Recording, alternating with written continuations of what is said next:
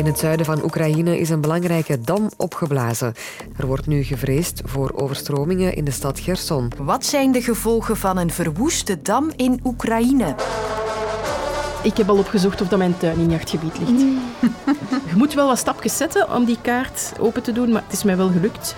Mijn drie vierkante meter zijn geen jachtgebied. Als je huis in jachtgebied staat, verander je dat dan het best? This is Apple Vision Pro. I feel like it's a couple of steps beyond anything that we've seen before. Ja, dan ook weer al een groter chakos mee hebben. En ook Apple heeft nu zijn bril voor virtual reality. Maar is het een doorbraak? It's like magic. Het nieuws scherper zien, ook zonder bril, dat is mijn missie in het kwartier. Ik ben Sophie van der Donkt.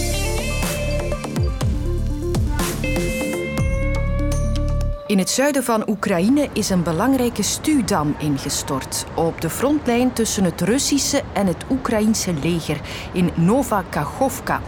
In de loop van de dag zag je die dam verder afbrokkelen en opgeslokt worden door het water.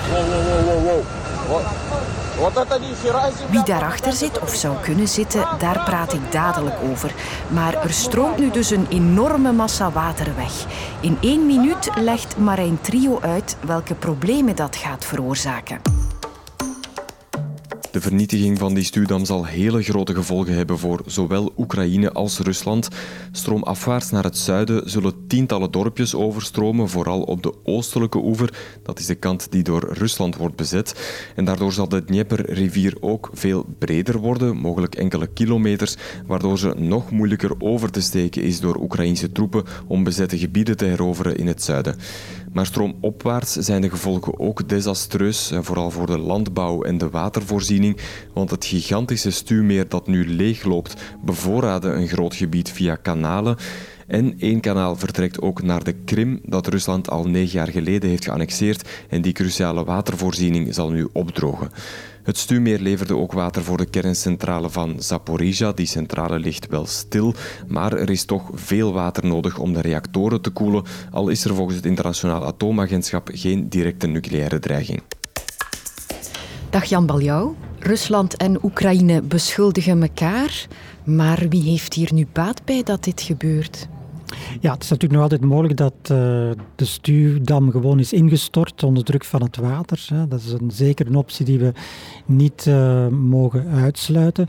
Wij hebben nog altijd geen beelden gezien van een explosie. De dam was al beschadigd bij vorige gevechten. Er zijn al explosies geweest in november. Maar het tweede scenario is inderdaad dat de dam is opgeblazen. Um, en beiden hebben er zowel voor- als nadeel bij, denk ik. Uh, ja, ja, voor Rusland is duidelijk het voordeel dat als de dam er niet meer is, dat dat Dnieper veel breder wordt en dat het voor Oekraïne nog des te moeilijker zal worden om die Dnieper ter hoogte van Gerson over te steken, want die vrees bestond toch wel bij de Russen. Aan de andere kant natuurlijk, ja, het is wel vooral Russisch gecontroleerd grondgebied dat onder water loopt. Dus de Russen moeten nu waarschijnlijk ook een aantal van hun eigen defensieve posities gaan herbekijken, omdat die nu onder water uh, aan het lopen zijn. Dus dat is dan weer een nadeel. Voor Oekraïne is natuurlijk het grote nadeel ja, dat ze nu geconfronteerd worden met een, een ramp, met evacuaties die ze moeten uitvoeren in en om Gerson, de stad zelf wordt niet bedreigd omdat die wat hoger ligt. Maar er zijn wel lager gelegen gebieden die wel bedreigd worden. Er zijn ook heel veel dorpen in, uh, op de rechteroever die, die door Oekraïne wordt gecontroleerd, die ook bedreigd worden, waar Oekraïne natuurlijk in staat voor de veiligheid uh, van, van de mensen. Nu waren er gisteren wel berichten dat misschien het tegenoffensief van Oekraïne begonnen was. Moeten we deze gebeurtenis ook in die context zien? Ja, de timing is natuurlijk verdacht, hè, omdat net gisteren werd duidelijk dat Oekraïne toch wel begonnen is met dat tegenoffensief. Toch niet de massale fase, maar laten we zeggen de beginfase heeft, uh, heeft ingezet. Um, en er wordt natuurlijk op dit moment, uh, ja, er is een heel grote nervositeit, um, zowel aan Oekraïnse kant als aan Russische kant, omwille van dat tegenoffensief. Maar ja, een link rechtstreeks kunnen we niet, voorlopig niet leggen, omdat we nog niet goed weten weten wat daar precies is gebeurd. Natuurlijk mogen we niet vergeten, het is overal zeer onrustig en dit komt er nog eens bij. Ja, we focussen nu op die dam, maar ook elders in Oekraïne wordt de strijd nog altijd geleverd. Ja, natuurlijk op langere termijn is dat tegenoffensief denk ik eh, belangrijker dan wat er met die dam is gebeurd. Die dam gaat zorgen voor een groot probleem, eh, een, een enorme watertoevloedstroom afwaarts. Het zal moeilijk zijn ja, om de schade, uh, om, om daar iets aan te doen, omdat die, die Dnieper is een frontlijn, dus je kunt daar niet zomaar even uh, de schade gaan herstellen. Dus dat zal een probleem worden. Maar ik denk voor het uiteindelijke verloop van die oorlog in Oekraïne is natuurlijk dat tegenoffensief dat Oekraïne lijkt ingezet te hebben veel belangrijker. Oké, dankjewel Jan Baljouw. Zeg, ben jij de eigenaar van een jachtterrein? De kans is groot dat je nu meteen denkt: uh, nee, natuurlijk niet. Maar kijk het toch maar eens goed na, want veel tuinen en gronden in Vlaanderen zijn ingekleurd als jachtgebied, vaak zonder dat de eigenaar zich daarvan bewust is. Het gaat alles samen om 930.000 hectare, zowat driekwart van Vlaanderen. Dus ik moet wel mensen kunnen vinden die zonder het te weten in jachtgebied wonen. Oh nee, echt? Zit ik in jacht? Nee, dat wist ik niet. En ik vind dat precies ook niet zo tof. Ik ben gechoqueerd. Ah, ja, ja, ja, ja, dat is waar. Ja. We hebben soms jagers in onze tuin gehad. Ja. Hier zo ongeveer, hè? Ja. Ja, hier, dat is van ons. Babette en Frank hebben dus prijs. Hun grond is jachtgebied. Maar dat hoeft niet zo te blijven. Want je kan zelf beslissen om jouw perceel te laten schrappen als jachtterrein. De afgelopen vijf jaar hebben al meer dan 7000 Vlamingen dat gedaan. Via de campagne Schiet in Actie. Wil jij ook jouw eigendommen uit de jachtplannen kleuren? Schiet dan nu in actie met deze handige instructievideo van Vogelbescherming Vlaanderen. Ga naar www.geo.be Klik vervolgens de juiste basiskaartlaag aan. Is dat zinvol? Doen Frank en Babette best zo snel mogelijk een aanvraag om van dat jachtgebied af te geraken? Of laten ze het maar beter zo? Ik heb enkele mensen om advies gevraagd. Niels Luiten, Vogelbescherming Vlaanderen. Hey. En Niels zou het fijn vinden als Frank en Babette uit het jachtgebied stappen. Ja. Wij willen vooral met deze actie, onze schiet in actie, willen wij het debat openen. De jachtregelgeving in Vlaanderen heeft altijd een select groepje van om en bij de 13.000 jagers gediend. Maar wij zijn met miljoenen Vlamingen die natuur en fauna hoger in het vaandel dragen dan enkel eventueel het oogsten of het schieten daarvan. Dus wij willen graag dat we daar samen maatschappelijk over nadenken van moeten wij niet gaan voor een verandering. Wat wij eigenlijk graag willen is dat die jachtplannen allemaal op nul worden gezet en dat iedereen die dan graag hun tuin of hun eigendom in een jachtplan wilt opnemen, dat ook de toestemming daarvoor geeft. En dan zijn we bezig met een eerlijker geheel dan momenteel dat we nu aan de hand hebben. Het is frappant, we zijn met 13.000 mensen die een jachtverlof hebben. En we zijn met, eh, laatst opgezocht, 6,7 miljoen Vlamingen. Dus ja, die verhouding eh, dat 13.000 mensen bijna driekwart van Vlaanderen innemen voor hun eigen gebruik, dat is absurd gewoon. Dat, dat moet veranderd worden. We zijn 2023, dat, dat kan niet anders. Oké, maar zijn er ook argumenten om alles te laten zoals het is? Ja, goedemiddag. U spreekt met Cedric Daals van Hubertus Vereniging Vlaanderen, de Belangenvereniging voor de Vlaamse Jagers. En hier klinkt een heel ander verhaal. Ja, dat moet de eigenaar natuurlijk eh, zelf beslissen. Vanuit de jachtsector kan ik enkel aangeven dat eigenlijk ja, de meeste mensen dat die zelfs niet weten dat ze in een jachtplan liggen en dat ze moeten gaan kijken op een kaart om te zien dat ze erin liggen. Dus het is eigenlijk een uh, virtueel probleem waarbij dat er eigenlijk meer voordelen dan nadelen zijn. Als er wildschade in die tuinen optreedt, dan hebben die mensen een betrouwbare en lokale partner om samen die wildschade aan te pakken. In Limburg denken we dan vooral aan everzwijnen die graag fris gemaaide gazons omploegen. Konijnen, dat is nog zo'n wildsoort op de droge zandgrond in de Kempen.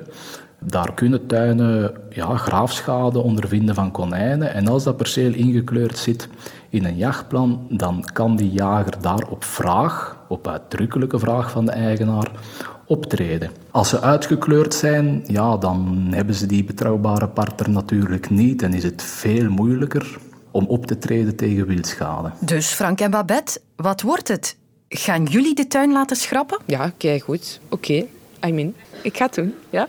Maar ik heb er nu geen last van eigenlijk. Uh, ik voel nu niet direct de behoefte, maar principieel zou dat misschien wel moeten doen. Ja. Wil je zelf uitzoeken hoe dat zit met jouw tuin? Wel, de Vogelbescherming en de Hubertusvereniging hebben op hun website allebei een link naar de jachtplannen. Het was al lang geleden dat technologiebedrijf Apple nog eens een nieuw product op de markt gebracht had.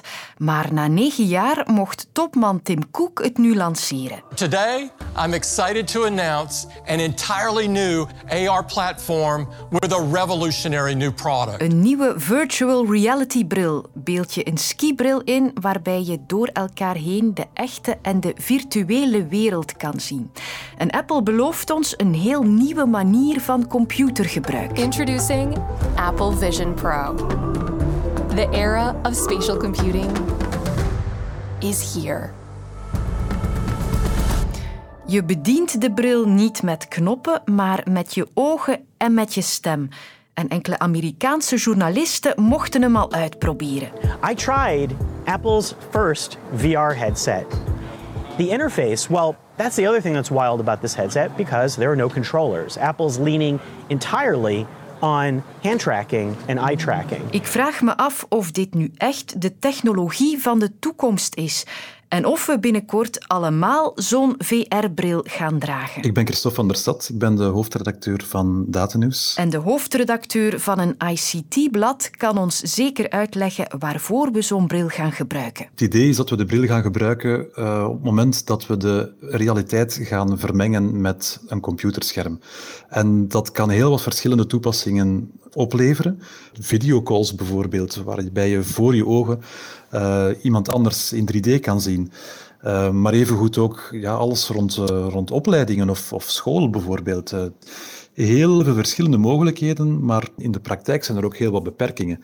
En het is maar afwachten hoe dat we met die beperkingen gaan omgaan. Een van die beperkingen is bijvoorbeeld dat je ja, de batterij die is beperkt tot twee uur op dit ogenblik. Daar hoort ook een beetje een uh, omslachtig kabeltje bij uh, naar een battery pack dat, we, dat je rondom jezelf gaat moeten dragen.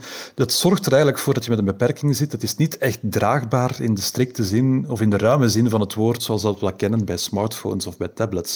Zitten we hierop te wachten? Is dit iets wat we allemaal in ons dagelijks leven gaan gebruiken? De vraag is, wat is nu eigenlijk de echte doelgroep? Hè? Uh, willen we dit toestel vooral in een consumentensfeer uh, gaan zien? Moet dit voor, uh, voor ontspanning gaan zorgen? Of is het net een toestel wat voor productiever of efficiënter werk moet gaan zorgen? Ik denk dat het een beetje een mix van de twee is. een beetje ingegeven ook door de totale kostprijs van, van het toestel. Omgerekend iets meer dan 3000 euro. Dat is, dat is een serieus bedrag, dat is een fors bedrag voor een toestel dat in essentie op dit ogenblik geen enkel ander toestel vervangt. Een dikke 3000 euro. Wie kan dat betalen? Dus bovenop je smartphone en laptop, die je voorlopig ook nog nodig zult hebben. Het lijkt me toch sterk dat we allemaal zo'n dure bril gaan kopen. Op termijn denk ik dat dat wel gaat kunnen. Uh, misschien gaat het wel een vervanger worden voor onze smartphone, voor onze tablet, voor allebei misschien. Want uiteindelijk heb je wel een krachtige computer uh, die op een andere manier een scherm toont. Uh, ik trek daar eigenlijk de parallel een beetje met de allereerste iPhone. Uh, ik herinner me toen de allereerste iPhone kwam, dat we daar ook wel het potentieel in zagen, maar ook dat dat toestel was niet echt een vervanger voor bestaande dingen. We hadden uh, nog altijd een aparte camera nodig, bijvoorbeeld. Ik denk dat dit met dit toestel op termijn kan gebeuren. Ehm, het is pas binnen een aantal jaar, denk ik, dat we echt gaan kunnen kunnen terugkijken en naar, naar dit moment en kunnen beseffen, ja, dit was toch wel een revolutie of dit was ja, een beetje een, uh, een kleine flop. Uh, ik neig Apple kennende naar het eerste. Um, ik denk dat dit wel degelijk het begin van een, een nieuw platform kan zijn, maar het gaat echt nog een paar jaar duren.